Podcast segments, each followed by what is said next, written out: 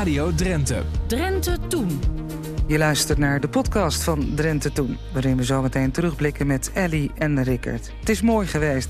Dat is de titel van de afscheidstournee... waar ze vorig jaar mee begonnen zijn. 50 jaar in het vak. En wat hebben ze allemaal wel niet gedaan? Nou, in Drenthe wonen bijvoorbeeld.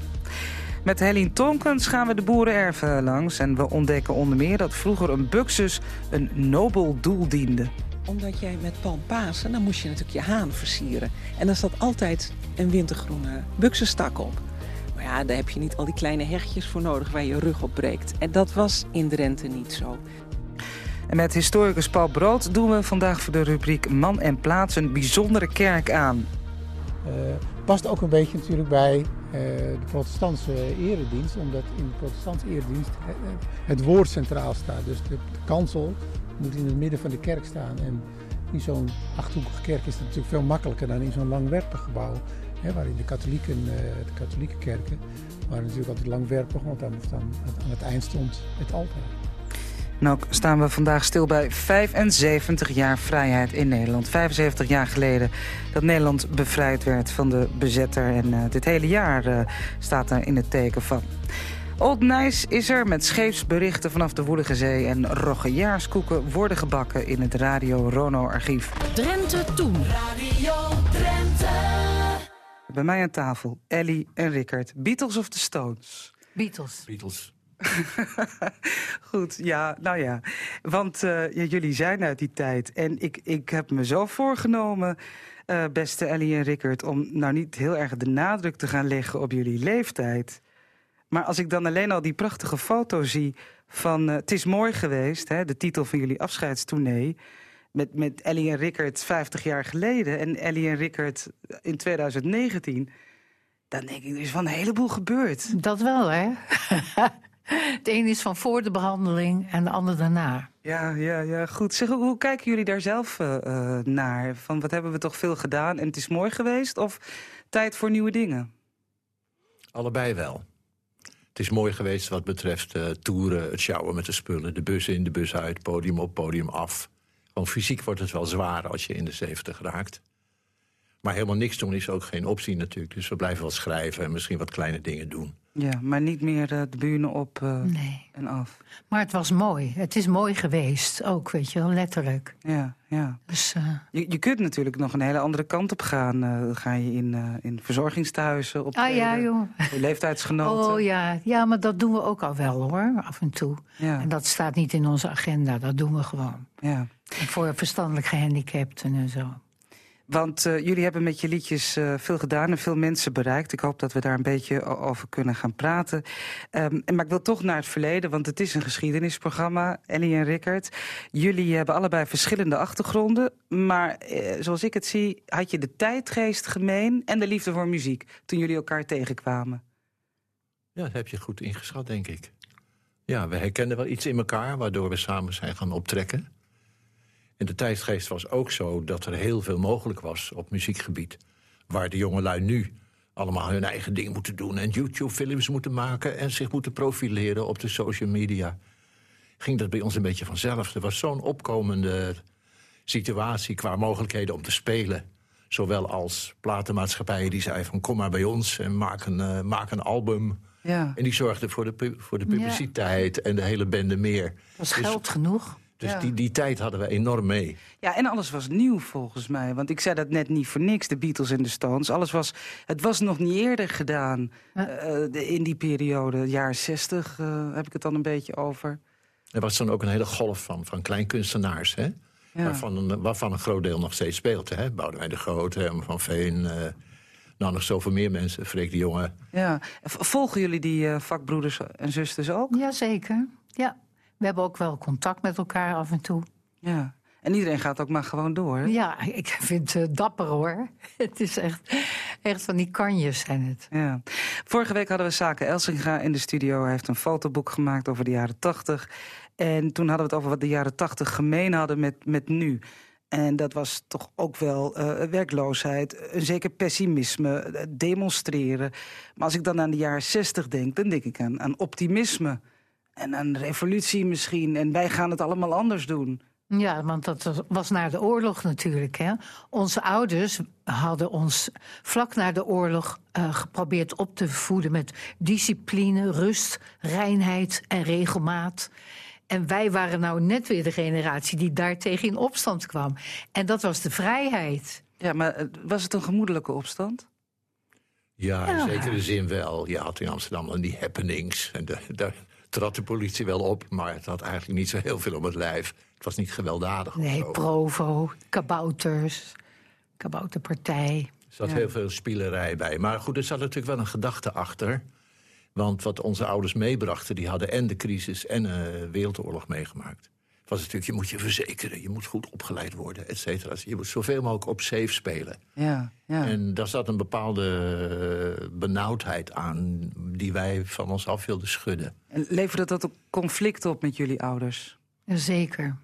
Ja, dat is wel gebeurd. Ja. Bij ons niet zo heel heftig, maar we hebben dat wel heel heftig eh, gezien. Waar echt breuklijnen in families kwamen en zo. Ja. Dat hebben wij niet gehad. Nee, geen breuklijn. Maar toen ze Rickert zagen, dachten ze wel... eh, nou, zo'n jongen hadden ze niet voor zich Nou, gezien. hoe zag Rickert eruit eh, dan even voor ons? eh? Ja, hij had een grote, lange zwarte cape Zo'n aan. losgeslagen vogelverschrikker eh, vonden ze mij. En eigenlijk had mijn moeder gehoopt dat ik met een arts zou trouwen. Dus Ja, dan was mijn, mijn kostie ook gekocht, hè? ja. Maar en dan, dan kozen jullie er ook nog allebei voor een, een, een carrière in de muziek als kunstenaar. Als, ja, als dat vonden ze ook niks. Echt, dat vonden ze helemaal niks. Daar kon je niks mee verdienen. En, eh, was natuurlijk een onzeker bestaan. Is het ook altijd geweest. Want je bent erg afhankelijk van mensen Ja. die je uitnodigen om te gaan spelen. Ja. Of er wat verkocht wordt van wat je maakt, et cetera. Maar ze waren wel trots later. Maar goed, ja, Later waren ze trots. Ja, ja. Ja. En we zijn heel dankbaar dat we dat altijd hebben kunnen doen. Een beetje als hobby begonnen en dan je leven lang ermee kunnen doorgaan. Ja, terwijl, en dan kom ik eigenlijk op mijn allerlaatste opmerking, dan gooi ik hem er nu maar in. Het volgens mij jullie daar nooit om te doen geweest is. nee. Om het grote succes Nee, dat klopt. en het grote geld. Ja. Goed, ehm, we, we hadden het net even over eh, andere oude rotten in het vak, als ik ze zo mag noemen. Boudewijn de Groot. Ja, toen was het Ellie en Boudewijn eh, toen dit nummer uitkwam. hè? Ja, mooi hè? En Ja. lief hè? ja. Was je jaloers, Rickert? Of Nee, helemaal niet hoor. nee? Nee, nee, nee. Wij waren al een koppeltje en eh, ik denk dat Willeke Alberti niet kon of zo. Toen hebben ze Ellie Oh. Rickert! Oh, wat is het? Nee. Zoiets was het toch? Nee, Lennart was een beetje verliefd op hem, maar dat hoorde ik pas later. Dus, Ja, oh, vandaar dat hij Ja. eh, jou naar voren had geschoven om, Dat om mee denk te ik, zingen. ja. En jullie vertellen net tijdens de plaat allemaal mooie ins en outs en details. ehm, maar je hebt het laatst, of onlangs heb je het gezongen, samen met de Kik. Die draaien we ook wel eens in dit programma. En dan heb je iemand meegenomen om met je mee te zingen. hè? ja, ja, want je hoort het wel. Het was een heel hoog stemmetje en dat haal ik niet meer. En Dave wou het niet lager zingen, dus heb ik een meisje uit ons dorp, Jolien Damsma, meegenomen. En die deed de hoge en ik de lage. En dat werkte wonderwel. Fantastisch, het was gewoon heel mooi. Ja. Maar ook leuk om te horen hoe, hoe, hè, hoe jonge mensen met nieuw repertoire eh, bezig zijn wat dat Van betreft. haar zul je nog wel wat horen. Ze woont bij ons in het dorp. Een heel getalenteerde jonge vrouw. Maakt haar eigen liedjes ook. En echt bijzonder goed. Ja. Ja. Ik wil het even over jullie dorp hebben. Of nou, niet per se over dit dorp. Jullie zijn. eh, Drensdorp. Ja, jullie zijn al vroeg naar Drenthe gekomen. 71, Uffelte, als ik het goed heb. Eind Klopt. jaren Ja. 60. 60, begin jaren 70. Toen hadden jullie al één kind. Ja. En toen zijn jullie in Uffelte gaan wonen. Van, van waar die move naar Drenthe? Was dat in die jaren iets van, dat doe je als je rust en ruimte wil? Dan Ja. ga je naar Drenthe? Jazeker, ja. Ja, was vooral voor de rust en de ruimte. En ik ben natuurlijk van oorsprong een Drent, dus dat trok mij ook wel. En op het zand, hè? Ja, we Jij wil op het zand wonen. Ja, speelde dat voor jou? Nou, ja, enigszins wel. Maar goed, dat heeft gewoon met je roots eh, te maken. Het Ja. scheelt ook wel of je uit de buurt van Rode komt of uit de buurt van Emmen. Want dan heb je het zand en het veen, dat wil dan wel eens heel erg verschillen. Ja. Ja, het was wel voor de rust. Je eigen groente kunnen verbouwen, eh, gewoon een ruimte om het huis heen. weet je. Ja. Ja. En ehm, de, de- je, nou ja, je zei net al, hè, toen Rickert voor het eerst bij jullie thuis kwam... Ellie, eh, een nou, aparte vogel met een lange zwarte cape. Hoe, hoe, hoe werden jullie ontvangen in het Drenthe begin jaren zeventig? Ging dat heel gemoedelijk en, en vanzelfsprekend? Of waren jullie die, die hippies? Ja, in het begin ging het wel heel gemoedelijk. Maar we hebben wel een paar slippertjes gemaakt daar. Per ongeluk dingen zeggen tegen de pers of zo. We hebben een keer gezegd, hier wonen te, te gekke boeren. Maar te gek was zo'n hippie-uitdrukking, hè? Te gek, man. En dat, dat stond in de krant. En zij lazen dat als gek. Ja, ja. En, en, en ineens eh, waren we niet meer zo geliefd hoor. nee. Weet je nog, Rick? We kregen geen melk meer, geen eieren.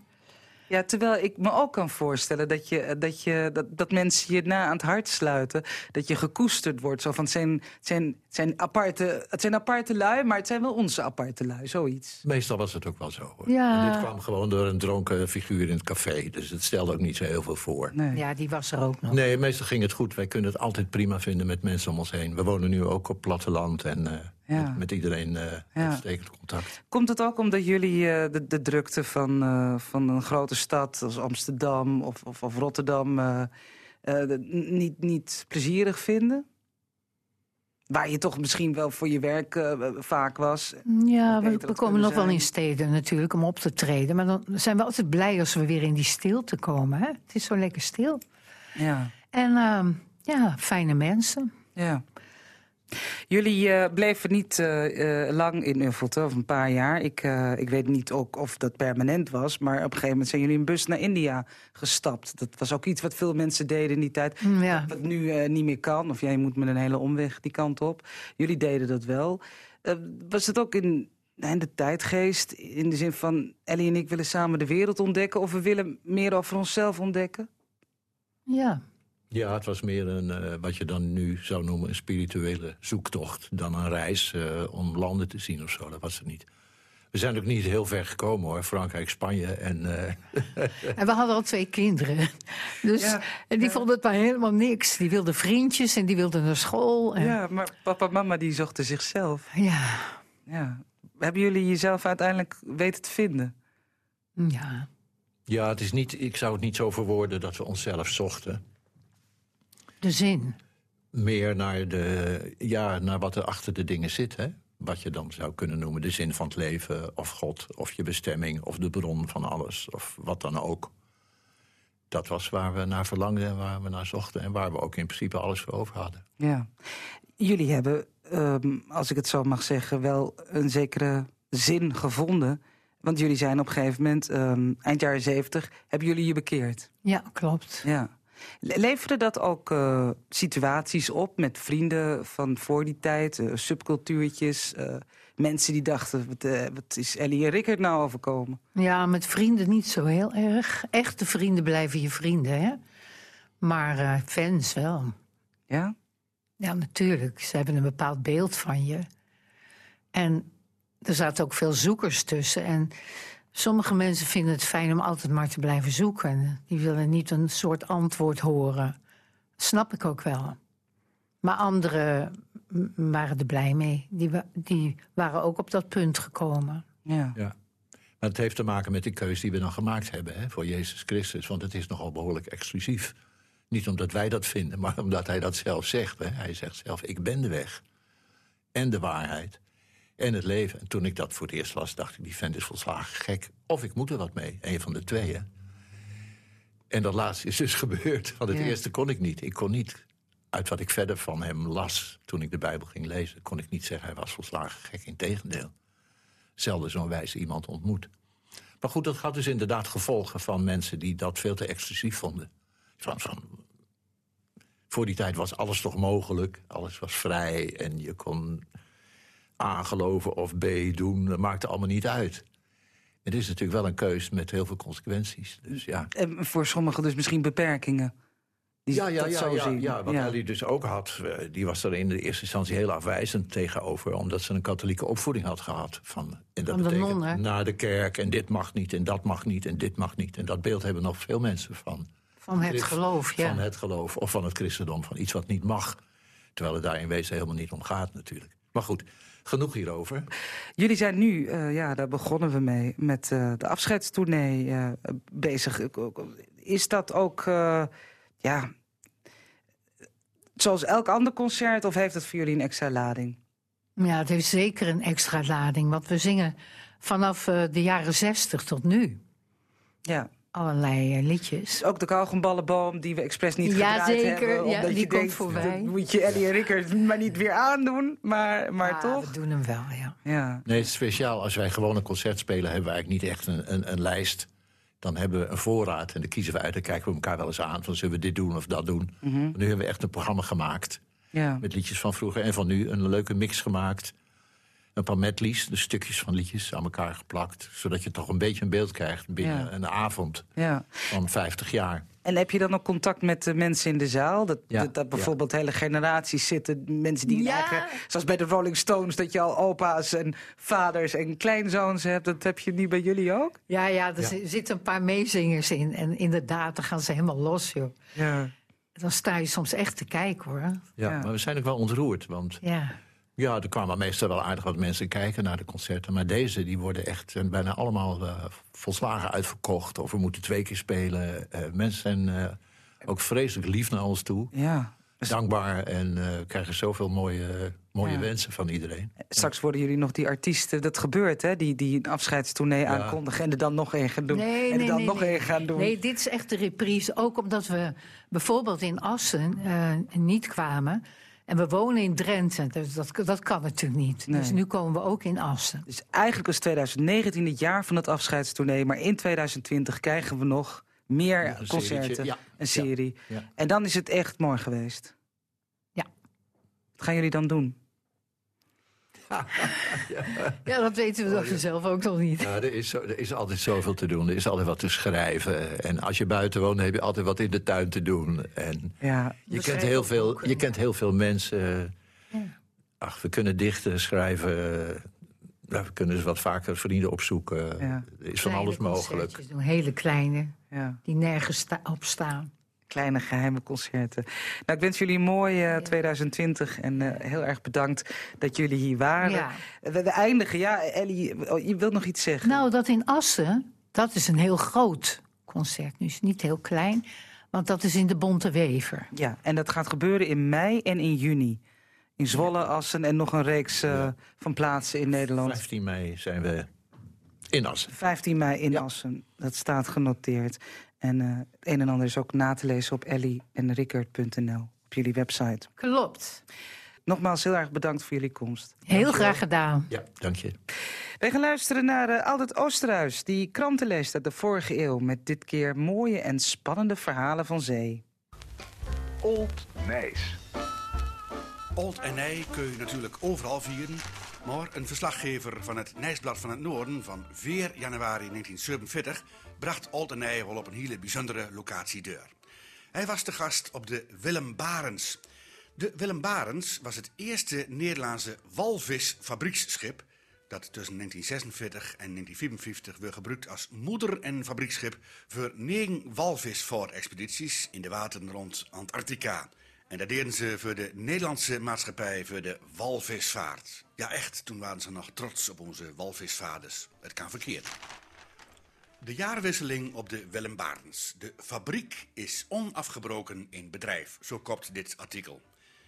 We bevinden ons, zo begon de verslaggever, nu sinds enkele weken in het eigenlijke vangstgebied en hebben alle soorten weer al meegemaakt. Kon ik kortelings slechts schrijven over ruw weer, storm en sneeuw.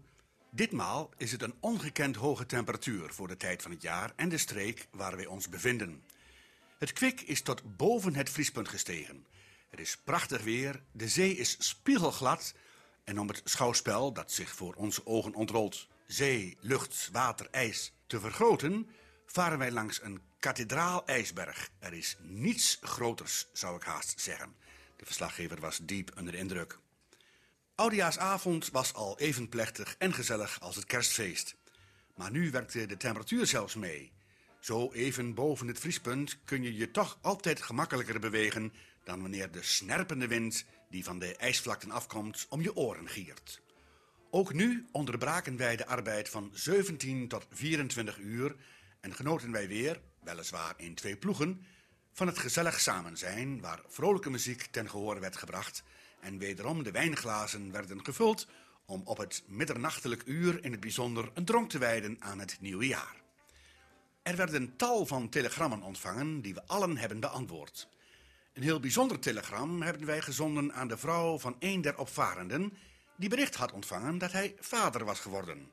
Het is onze vriend Ringelink, wiens zoon gedoopt werd met de toepasselijke naam Willem Barend. Voor zijn leven is de naam van ons petekind verbonden aan de reis van de Willem Barents. Intussen gaat de arbeid onvermoeid en ononderbroken voort. De grootste walvis die we tot nu toe hebben gevangen was 31 meter. En ik zie al, de Willem Barents was een walvisfabrieksschip en daarover schrijft de verslaggever... In de fabriek zijn 16 kookketels en 16 afscheidingstanks onverpoost in bedrijf.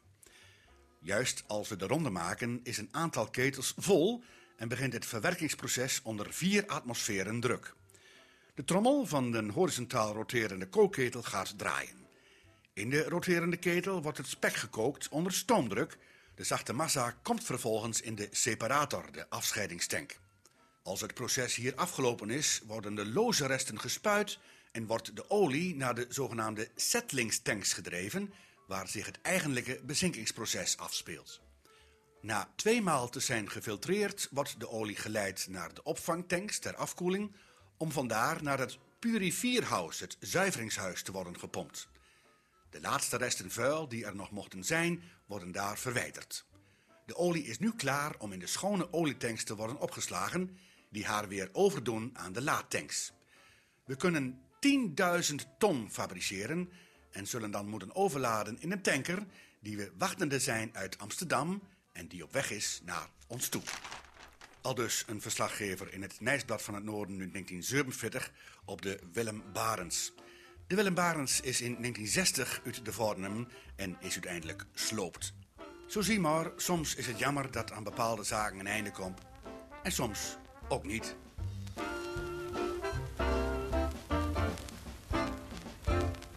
Zo, weten we dat ook weer. Altijd Oosterhuis met kranten uit de vorige eeuw. En we blijven in de vorige eeuw. We gaan naar een Rono-uitzending luisteren. Vorige week ging het over kniepeties en rolligies, maar echt Drents, dat zijn de zogeheten roggejaarskoeken. En Geesje Been ontfutselt het geheim. Voor die vrouw die vertelt mij net dat die bent een eh, specialist in het bakken van roggejaarskoeken. En het zult toch wel fijn wezen als we dat recept ook nog even metnemen kunt. Ja, en dan uh, zullen de eerste ingrediënten dan even opnemen. Ja, man. Een pond raggebloem, dat hoor je bij de bakker. Een pond bruine suiker, een half pond stroop, twee eetlepels kookkruiden, ook van de bakker, en twee eieren en 125 gram butter. Nou, dat ben ze. Dat zijn de ingrediënten. En hoe moet je het nou door elkaar doen? Wat komt het eerst in? Nou, dan doe je de bloem en de suiker en de kookkruiden. Dat doe je maar flink door elkaar. Niks geen water er nog bij. Dan heb je de stroop inmiddels uh, smelten in warm water. En de eier klapt en de butter zacht gesmolten. Dat mag niet branden, dan wordt het heet. En dan is roombutter is lekkerder als margarine. Dan komt de stroop en de eier, kun je dan deur doen en dan misschien wat water. Ja, je zit net op al door die stroop met een beetje water. Dat is dan een beetje smeuig te krijgen zeker, hè? Ja, maar het mengsel moet ook aanmengd worden natuurlijk. Oh, en dat is dan met één door een vuur kloor, hè? Ja. Nou, en dan moet wel zo dat het deeg eh, niet van de lepel af lopen kan, maar je moet wel even op het ijzer klappen zo. Ja, zo stief moet dan de lepel vastzitten. Ja, het moet stevig deeg wezen. ja. Want je krijgt er langs de vuur niet van als het vaarrollig is, want dan je altijd wel 150, 60 hoeden pond. Ja.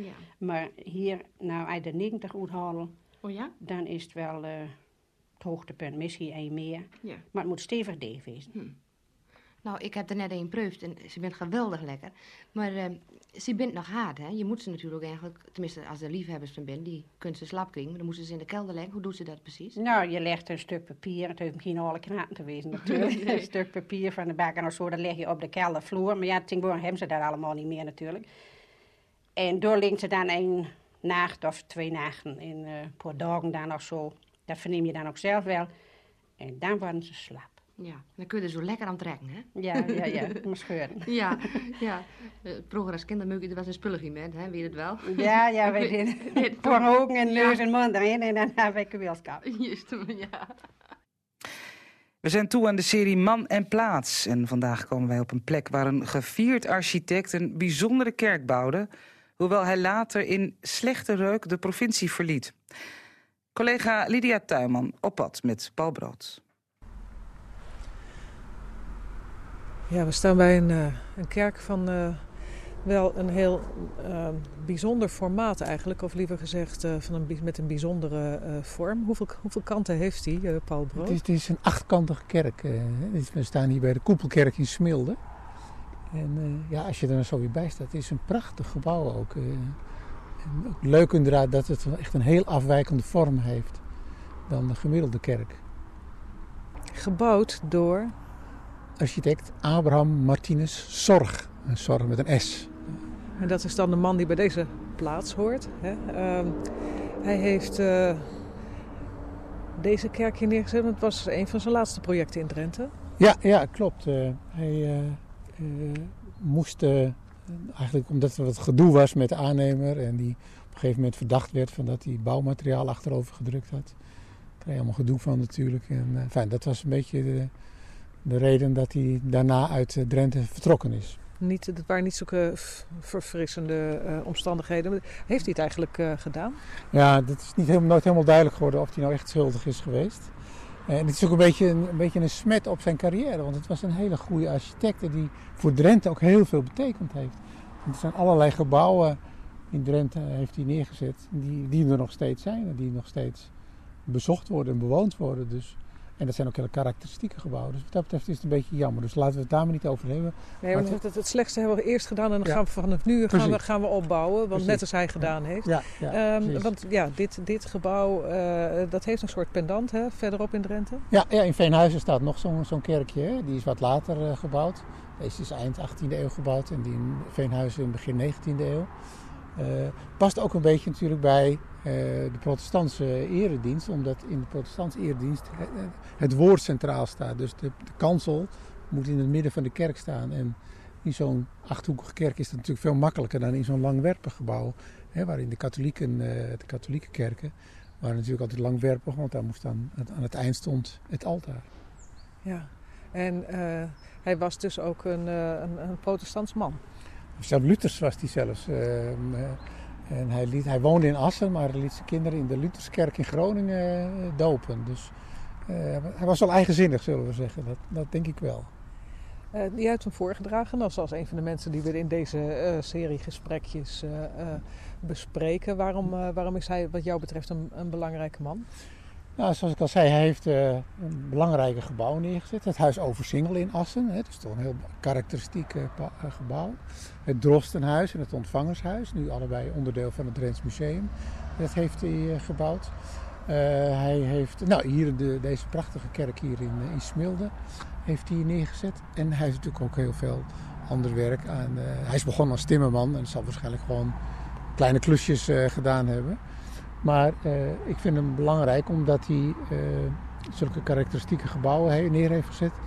Die we nog kennen en die uh, je, het toonbeeld zijn van, van zijn tijd. Zo werd er gebouwd in, in die tijd. En dat heeft hij toch ook voor elkaar gekregen. Dankzij zijn goede contacten met het Drents bestuur. Hij, het is gewoon een timmerman. Hij heeft zich helemaal opgewerkt.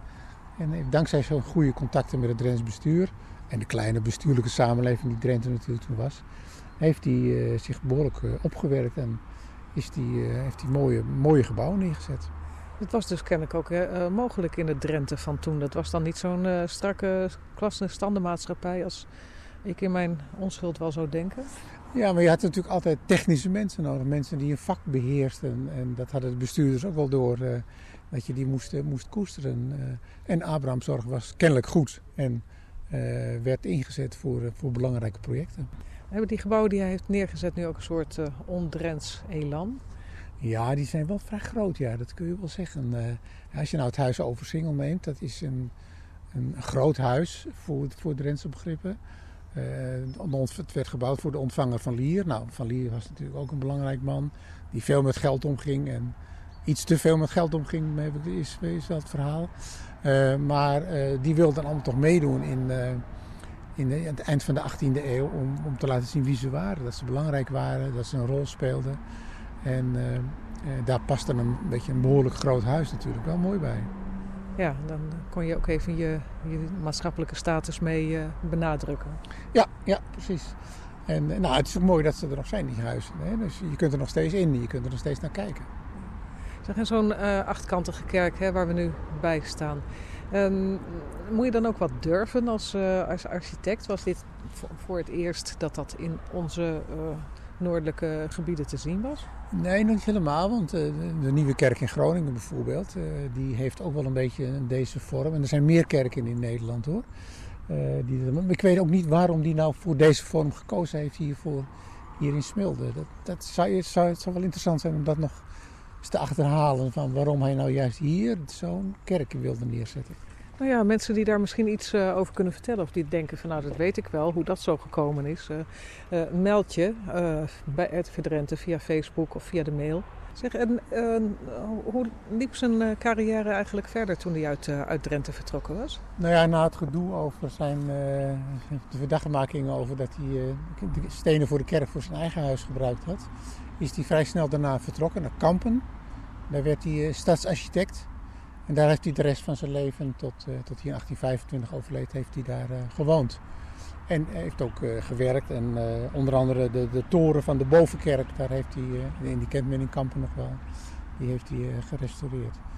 Ehm, Niettemin werd hij toch wel gewaardeerd in Nederland. Want in het laatst van zijn leven, in 1816, werd hij nog lid van het Koninklijk Instituut van Wetenschap en Letterkunde en Schone Kunsten een soort academie van wetenschappen zouden we nu zeggen. Ja, geen gering gezelschap. Nee, nee. en daar, uh, dat betekende dus dat hij toch als architect in Nederland wel gewaardeerd werd.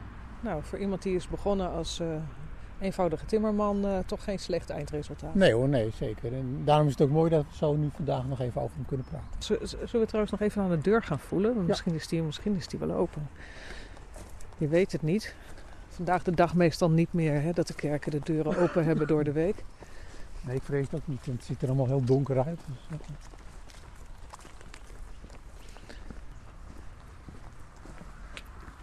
En daar gaan ze op weg naar een nieuwe man.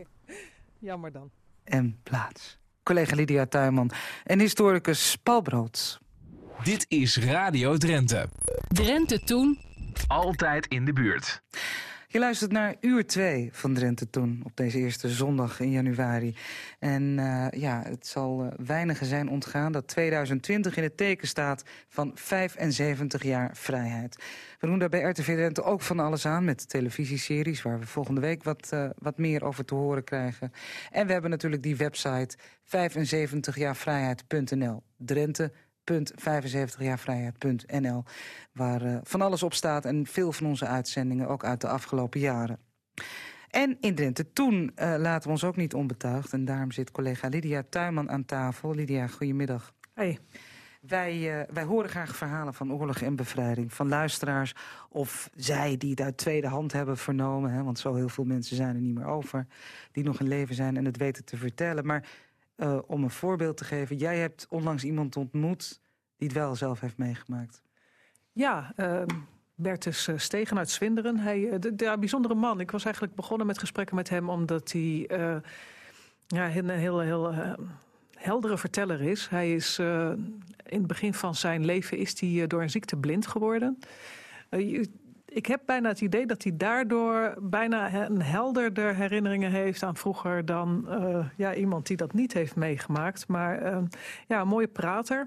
Uh, hij zit er in zijn, in zijn boeren voorhuis. En daar is eigenlijk door de, door de loop van de jaren niks veranderd. De bedstee is er nog net zo. Er de, de, de hangen nog van die, van die kantjes rond de, rond de schouw.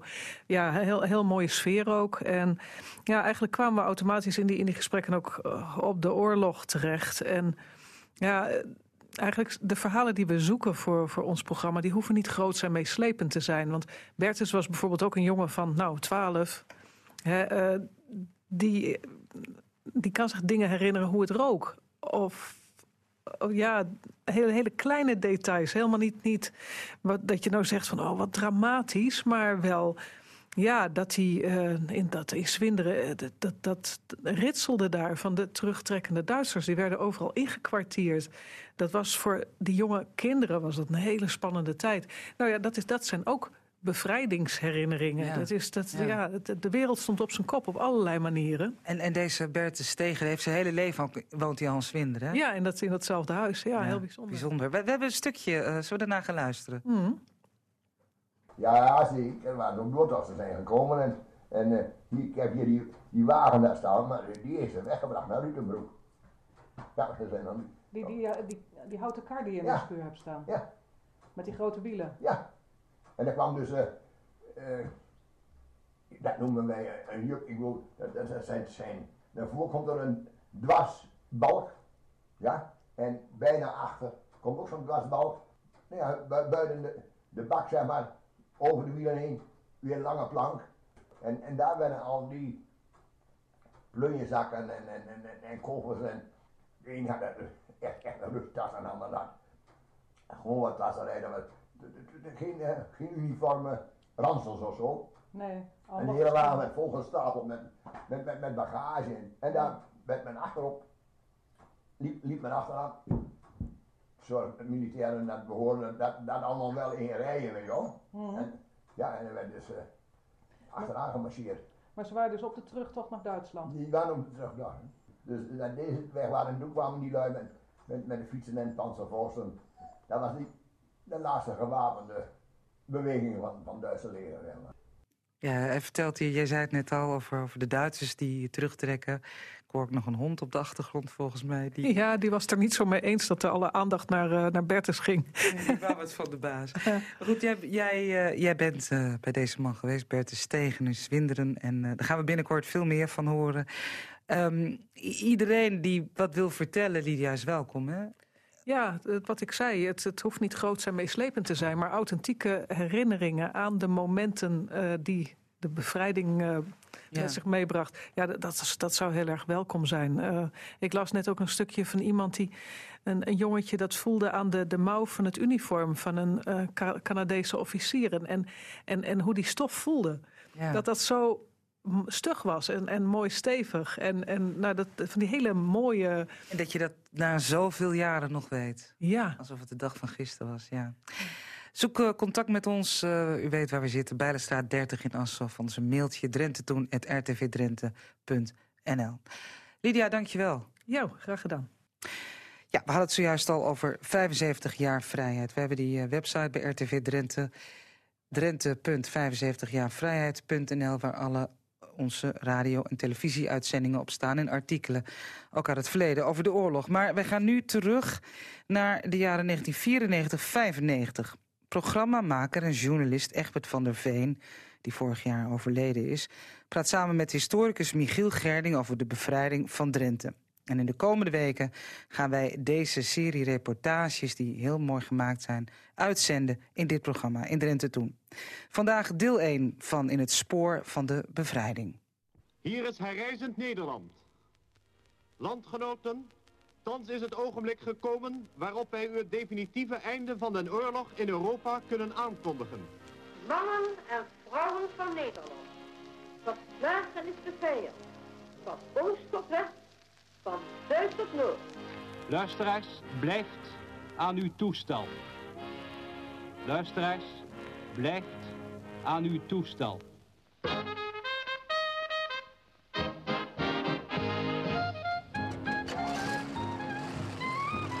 De bevrijding van Drenthe. Een bijdrage van Michiel Gerding en Egbert van der Veen.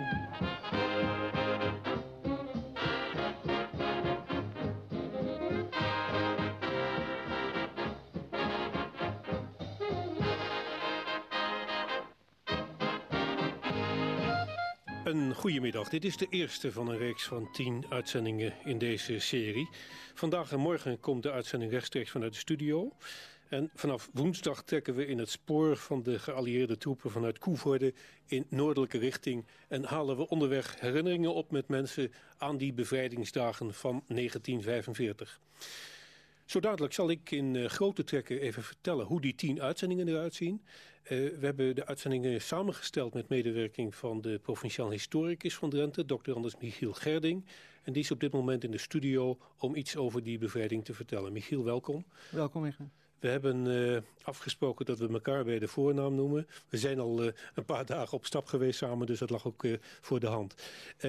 we volgen dat in de uitzendingen wel precies, maar kun jij in grote lijnen even vertellen hoe die bevrijding van Drenthe in zijn werk is gegaan? Welke routes heeft men gevolgd? Ja, nou, die bevrijding van Drenthe die vormde natuurlijk een onderdeel van een veel grootscheepser legerbeweging Waarbij in feite heel Duitsland bevrijd moest worden. En heel Nederland bevrijd moest worden. Was in die, die wintermaanden stond het een beetje stil, het front. Zo'n beetje bij de Maas, zou ik maar zeggen. Ardennenoffensief was geweest. Een beetje uitblazen, de geallieerde troepen. En nou ja, toen het weer het weer toeliet in het begin van de lente... Uh, trok men uh, weer verder op. En uh, Drenthe, dus Noord- en Oost-Nederland kun je beter zeggen... Is bevrijd door, in principe door het eerste en het tweede Canadese legerkorps. En die zijn vanuit Wezel en Emmerik... hebben ze die een beweging naar het noorden gemaakt... met één uh, flank uh, westelijk. Die trok eigenlijk langs de IJssel op naar het noorden... en één flank iets oostelijk daarvan. En die, die kwam zeg maar bij Koevoorden, Drenthe binnen... Dus die ging voor een deel door Duitsland en voor een deel door de Achterhoek en door Twente. Je ziet dus dat bijvoorbeeld Enschede is al op 1 april bevrijd. En, en nou ja, in Drenthe is dat dus uh, wat later geweest. Maar het was een onderdeel van die hele bevrijding van Noord- en Oost-Nederland. Hoeveel dagen heeft het de bevrijding van Drenthe als zodanig in beslag genomen bij benadering? eigenlijk tussen 4 en 14 april zou je kunnen zeggen. Vijf tien, tien dagen? Een, een, dag of tien. 5 april hebben ze de eerste stukje van Drenthe bevrijd bij Koevoorde. Dat zullen we horen de komende dagen. En uh, nou ja, toen heeft het ze dus nog een dag of tien gekost voordat ze in Eelderwolde waren. En toen moest Groningen nog bevrijd worden. Je noemde er even de Canadezen al. Waren er meer nationaliteiten van bevrijders? Ja, en die viel wel onder Canadees commando. Er zaten dus ook nog wat, wat Belgische para's, parachutisten zaten erbij, Poolse bevrijders zaten erbij. En um, er zijn ook nog Franse parachutisten geland. Maar er zaten bijvoorbeeld ook Ieren bij die vooral dan weer uh, Friesland bevrijd hebben. Maar die vormden onderdeel van hetzelfde grote oppercommando, zeg maar. En enkele Nederlanders, hè? Ja, die zaten er natuurlijk ook bij. Ja. ja. Misschien is dit een goed moment om even te vertellen hoe de tien uitzendingen de komende twee weken uit zullen komen te zien. Uh, vandaag en morgen dus een gesprek in de studio met de heer Gerding. Morgen gaat dat over het grote aantal burgerslachtoffers die in de dagen vlak voor de bevrijding in Drenthe nog zijn gesneuveld. En dan vanaf woensdag zien de uitzendingen er als, volgt uit. Uh, aanstaande woensdag de bevrijding van Koevoorde. Donderdag de landingen van Franse parachutisten. Aanstaande vrijdag de bevrijding van het uiterste zuiden van de provincie. Een hele uh, kleine strook in het inderdaad uiterste zuiden van Drenthe. En dan vanaf uh, volgende week maandag het uh, gebied tussen Hogeveen en Emmen. Dinsdag de bevrijding van Midden-Drenthe, onder andere Bijlen, Assen, Borgen. En dan uh, volgende week woensdag zenden we in het kader van deze reeks programma's... de herdenking uit van de bevrijding van het kamp Westerbork. Dat doen we rechtstreeks in een uitzending die aanstaande woensdag, dus volgende week woensdag, eh, begint om half twee en die duurt tot drie uur. Rechtstreeks dus de herdenking van de bevrijding van het kamp Westerbork, woensdag over een week. En de dag daarna, volgende week donderdag, staat de bevrijding van Meppel, Havelte en Noord-Drenthe op het programma. En volgende week vrijdag besluiten we de reeks met de bevrijding van Eelde, uiterste noorden van de provincie. En de festiviteiten die uiteraard overal in Drenthe na de bevrijding losbarsten. Dan nog even dit. Uh, alle dagen is ook de reactietelefoon aan de bevrijding van Drenthe gewijd. En per dag zal een verschillende vraag worden gesteld. En vandaag is die vraag, u hebt het daar straks al even kunnen horen. Hebt u een leuke, bijzondere of humoristische herinnering aan de bevrijding van Drenthe? Straks dus in de reactietelefoon tussen half vijf en vijf uur. Wel, tot zover dit uh, programma-overzicht. Ik zet nu mijn gesprek met de heer Gerding voort. Uh, Michiel, zaten hier in Drenthe nog veel Duitsers? Ja, natuurlijk, dat soort getallen zijn natuurlijk heel moeilijk precies aan te geven. Want dat wisselde natuurlijk met trok over en weer. Ook provinciegrenzen over en onderdelen verdwenen misschien naar Duitsland. Er kwamen weer andere terug. Maar voor zover ik dat kan traceren... moeten er toch wel enige duizenden uh, Duitsers nog hier gezeten hebben. Maar over het algemeen kun je zeggen dat het een, een, een eitje was. Een zacht eitje was om Noord- en Oost-Nederland uh, te bevrijden. Want dat vroeg ik me af. Hebben ze nog veel weerstand geboden? Uh, ja, er is weerstand geboden, maar relatief gezien is dat niet heel, heel veel geweest. Maar het gekke was dat er in diezelfde tijd in het westen van Nederland... nog ongeveer 150.000 Duitsers zaten met een volledige uh, militaire commandostructuur... die nog geheel intact was en waar het moreel ook nog behoorlijk hoog was. En daar zijn de, de, de eigenlijk aan voorbij gegaan, omheen getrokken. En je ziet dus dat bij de uiteindelijke capitulatie op 5 mei... Uh, waren die nog helemaal niet in actie gekomen. En, en zijn die dus helemaal niet in, in de strijd uh, geweest.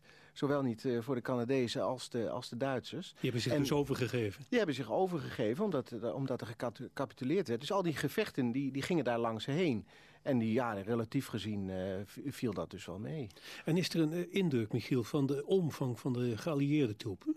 Nee, net zo goed uh, als dat, als dat uh, van, de, van de verdediging ook niet precies te zeggen is... is dat van de, aanvallers ook niet te zeggen. Er zijn honderden landen, dan is daar een paar honderd trekken binnen daar. En dat is dus heel, dat is een heel wisselend beeld. Uh, we weten dat er dus twee legerkorpsen bij die bevrijding van Noord en Oosten waren ingeschakeld. En dan moet je dus ook de, de IJsselsteden bijrekenen, hè, die wel zware gevechten hebben opgeleverd. Deventer, uh, Zutphen, Zwolle. Dus dat, dat maakte daar ook onderdeel van uit. Maar um, nee, dat is dus, dus niet precies aan te geven. Maar ik denk ook een aantal duizenden. Het is wel zo dat, uh, dat heb ik nog even nagezocht... Op 23 mei, dus dat, na de capitulatie, de bevrijding... wordt er dus op een gegeven moment op het vliegveld van Eelde...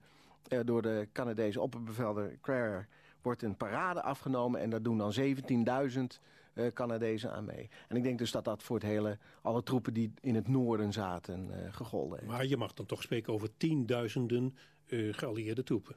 Ja, dat denk ik wel. Ja. ja. De NSB'ers, Michiel, zijn die nog erg actief geweest... in die laatste oorlogsdagen in Drenthe? Nou, ik denk vooral om zich zo veel mogelijk gedijst te houden natuurlijk. Want ja, wat gebeurde er meteen na de bevrijding? Zijn natuurlijk de meeste meteen opgepakt en, en in school in het dorp opgesloten. Maar een actieve rol uh, in, in, bij de bevrijding... Hè, dus aan de kant van de Duitsers zou je dan moeten zeggen... denk ik door de bank genomen niet... Uh, er zijn natuurlijk wel landwachters geweest. Zeg het meest fanatieke deel van de NSB'ers... die tot het allerlaatste zijn doorgegaan, ja. Maar dat is maar een enkeling geweest. Je hebt er even al gezegd, grote aantallen zijn eigenlijk direct opgesloten in scholen. Hoe is er met die NSB'ers omgesprongen? Nou, dat is natuurlijk wel begrijpelijk, maar er zijn wel excessen geweest. Maar er is natuurlijk vrij ruw met ze omgesprongen. He, dus natuurlijk na vijf jaar die komt die bevrijding. Al die mensen worden opgepakt. Die, die worden een beetje te kijk gesteld. Hè. Iedereen kent de verhalen van het kaalscheren van de moffenmeiden en, en dat soort van verhalen. En sommige, daar zijn echt excessen opgetreden. Uh, de Binnenlandse Strijdkrachten heeft over het algemeen geprobeerd om, om duidelijke richtlijnen te geven. Om ze uh, fatsoenlijk en, en netjes te behandelen. En niet te vervallen in dezelfde terreur die zij zelf hadden toegepast als landwachters of als SS'ers of hoe dan ook. Dus om niet in dezelfde fout als de bezetter te vervallen. Maar goed, het is onvermijdelijk dat hier en daar uh, ja, men toch wat, wat, wellicht wat ver is gegaan. En later volgde de berechting. Later volgde de berechting en ja, toen, is dat, uh, ja, toen heeft iedereen zijn gerechte straf gekregen. Deze dagen was uh, in een van onze uitzendingen de heer Boekholt te gast. Hij is historicus aan de Rijksuniversiteit van Groningen. En die zei toen dat, dat het beeld dat Drenthe zo'n uh, uitgesproken NSB-provincie was... eigenlijk onjuist is. Uh, kun je dat bevestigen? Ja, ik ben het wel met hem eens. Dat is, uh, dat is zo. Dat, dat blijkt ook in, in veel van de gesprekken die we zelf de afgelopen weken hebben gevoerd.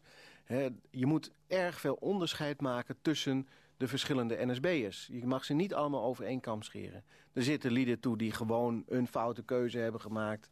En, en daaraan vastgehouden hebben... zonder dat ze verder tijdens de oorlog een vlieg hebben kwaad gedaan. Uh, zelfs uh, misschien wel onderduikers hebben gehad. Daar zijn ook voorbeelden van. En aan de andere kant van de schaal uh, zitten er lieden zoals Jacob Luitjens... Die, uh, ja, die dus als, als fanatiek landwachter niets heeft nagelaten om onderduikers en verzetsmensen op te sporen en, en aan de Duitsers uit te leveren. Nee, maar de vraag is, hoe is dat beeld dan kunnen ontstaan? Dat Drenthe de NSB-provincie van Nederland was, of is? Uh, dat is denk ik ontstaan uh, vooral door de verkiezingsuitslagen uit de jaren 30... Uh, toen deed de NSB uh, voor het eerst aan verkiezingen mee... voor provinciale staten, gemeenteraadsverkiezingen. En in de jaren 30 haalde men hier in Drenthe hoge percentages. Niet eens het hoogste van het land, want Limburg scoorde dan soms nog iets hoger. Maar uh, daar heeft het wel heel sterk mee te maken. Nou, die link uit de jaren 30 tussen de NSB... die moet gelegd worden met landbouwmaatschappij. Een boerenorganisatie die, die veel verzet um, van de boeren tegen de economische crisis in zich verenigde.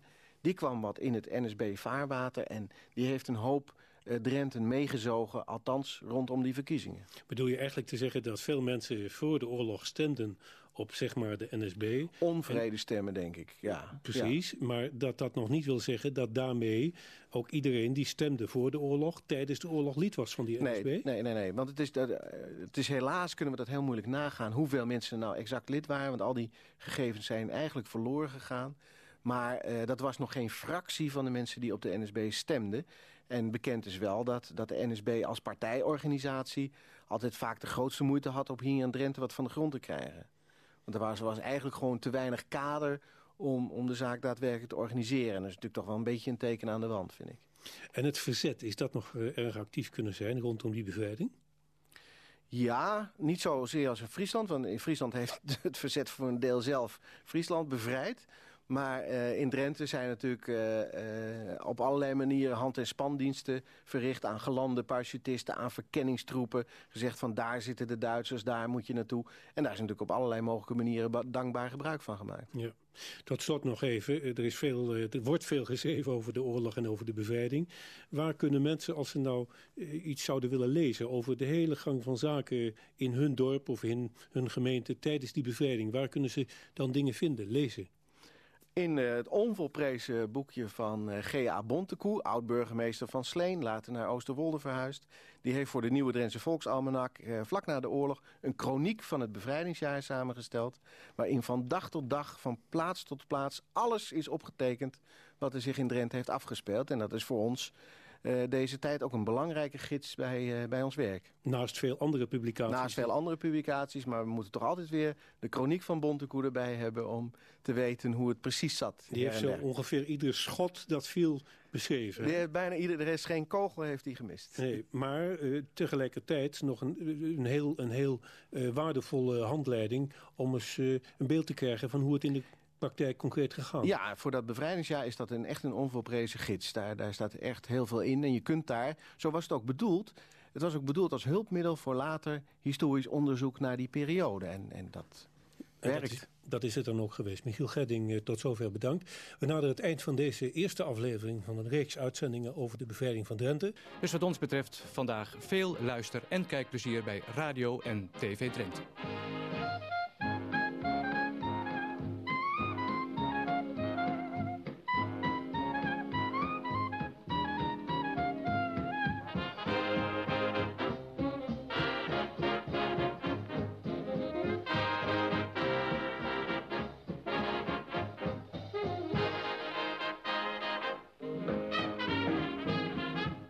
Voor de duidelijkheid luisterde dus naar een reportage uit 1994... gemaakt door programmamaker Egbert van der Veen. Hij is vorig jaar overleden en dat deed hij samen met historicus Michiel Gerding. In de komende weken zullen we meer van deze reportages uitzenden... in het spoor van de bevrijding. Ja, Helene Tonkens, streng als altijd als het gaat over uh, authentieke boerenerven. Boerenerven van vroeger en van nu. Maar vandaag gaan we gruwelen. Nou, we hadden uh, bij de aanvang van deze serie hadden we beloofd dat we de, de wonderschone zaken zouden benoemen, maar ook de gruwelen. Um, en volgens mij ben jij toch hier een beetje ongelukkig mee met dit boerenerf? Ja, dat kun je eigenlijk wel zeggen. Uh, er zijn natuurlijk altijd allerlei aspecten die een, een rol spelen. Hey, een van de dingen is dat je bijvoorbeeld hier een, uh, een greppel langs de weg ziet, een slootje. En ik kan zeggen, dat heeft eigenlijk een een grensfunctie. En dat mag wat mij betreft gewoon zo zijn. Maar dan hebben mensen toch nog heel gauw de neiging om die grens toch nog even weer neer te zetten. Met een heg, met een rijtje cotoneasters of met een heel hekwerk. Aan de ene kant kun je zeggen, ja, dat zijn mooie uh, hekken. Vroeger had ieder dorp had zijn smid. En, dat, en die smid die maakte een hek voor jou. En die, die, die, die smeden dat helemaal in elkaar met gietijzeren punten. En vandaag de dag zie je dat niet veel meer. Maar wordt er op de markt allerlei vergelijkend materiaal neergezet. Doordat we het financieel goed hebben, kunnen we van ons vandaag de dag dit soort hekken over grote afstanden uh, permitteren. En vroeger was het soms een heel klein hekje in de heg, wat de smid had gemaakt, en verder een heggetje. Maar wel dat ene hekje. Dat zag je ook altijd voor bij het woonhuis. Nou, dat zien we hier ook voor bij dat woonhuis. Ja, uh, dit geeft een zekere status. En dat is natuurlijk ook altijd het probleem. Je hebt je boerderij als woonboerderij gekocht. Je hebt er heel veel geld voor neergezet. Wil je dan een heel eenvoudig, simpel erf wat past bij die boerderij? Of heb je eigenlijk het gevoel van, um, ik moet mijn gebouw wat meer status geven? En wat je dan op een gegeven moment ziet, is dat er meer een soort nieuwbouwtuin om zo'n boerderij heen komt. Met um, meer de tuin ook aan de voorkant, hè, vertoon naar de buitenwereld toe. En je kan zeggen, ja, soms kan dat vertoon van de buitenwereld afleiden van het gebouw op zich. En dat zijn dan dingen die ik heel jammer vind. En dan denk ik, ja, wacht even, je hebt hier een prachtig pand staan. Er moet niet te veel ruis omheen zijn. En het aankleden van zo'n groot pand, dat doe je met grote gebaren. Met grote struiken, met grote bomen. En al dat ge, gefrummel van een beeldje hier en een bakje daar, daarmee zorg je niet voor een aankleding. En of de buitenwereld nou denkt, oh daar wordt het gezellig van, dat vraag ik me eigenlijk ook.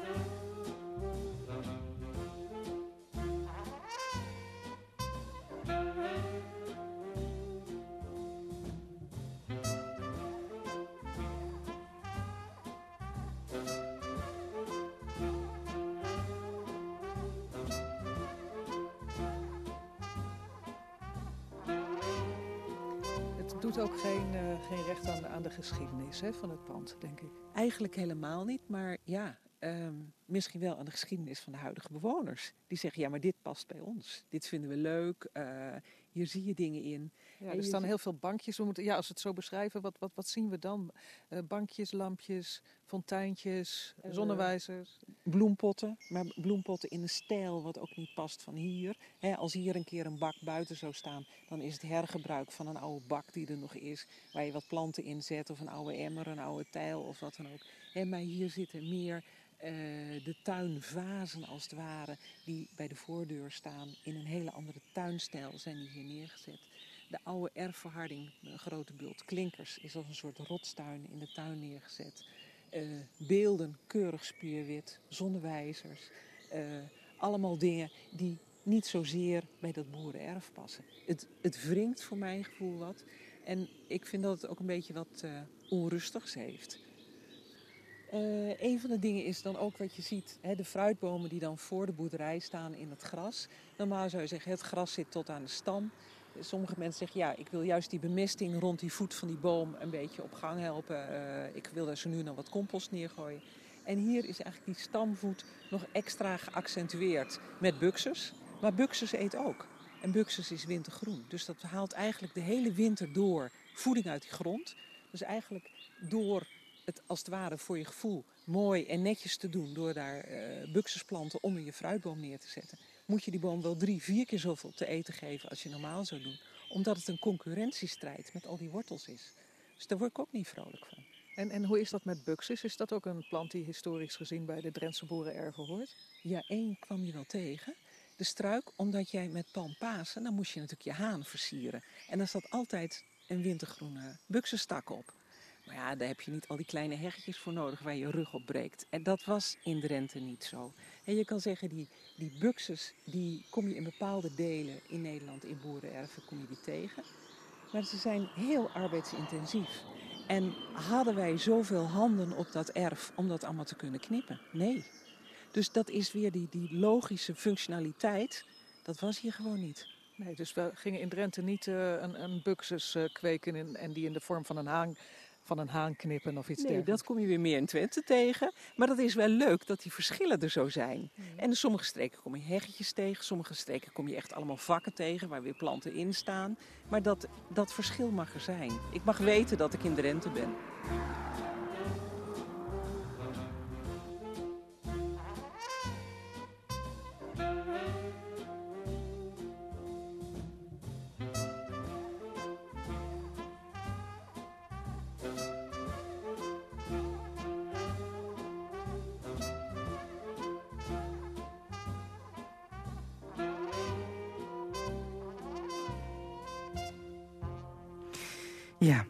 Tonkens. Ze geeft ook cursussen over boerenerven. Gaat ze in 2020 vast ook weer doen. Streng, maar rechtvaardig. En ze was op stap met collega Lydia Tuinman. We zijn uh, toe aan het eind van dit programma. Maar nog niet voordat we naar een jeugdherinnering hebben geluisterd van Wiebe Kruijer, onze krasse tachtiger, de kop van Drenthe. Zoals elke week, ook dit jaar, voorgelezen door Robert Oosting.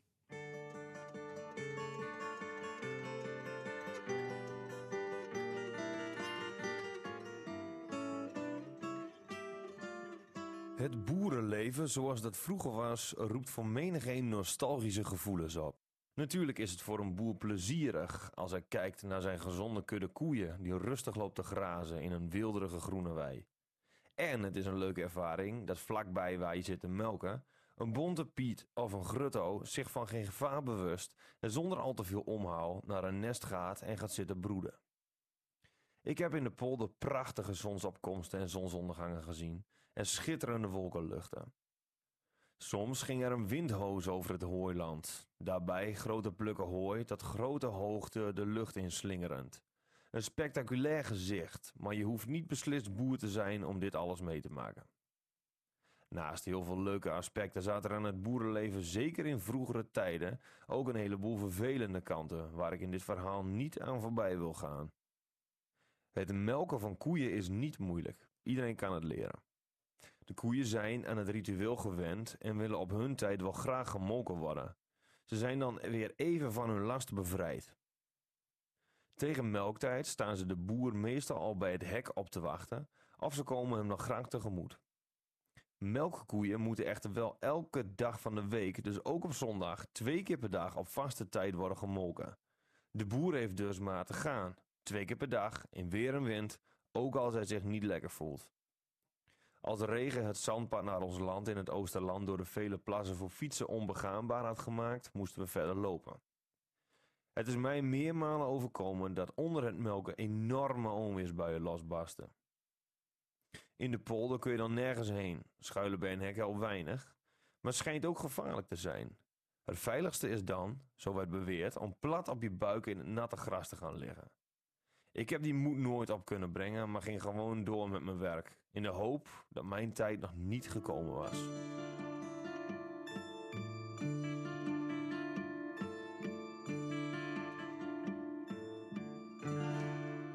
Tot zover Wiebe Kruijer, voorgelezen door Robert Oosting. Je luisterde naar de podcast van Drenthe toen. Vond je het leuk? Geef ons dan een beoordeling. En luister ook eens naar onze andere podcast, die van Cassata of de Sportcast.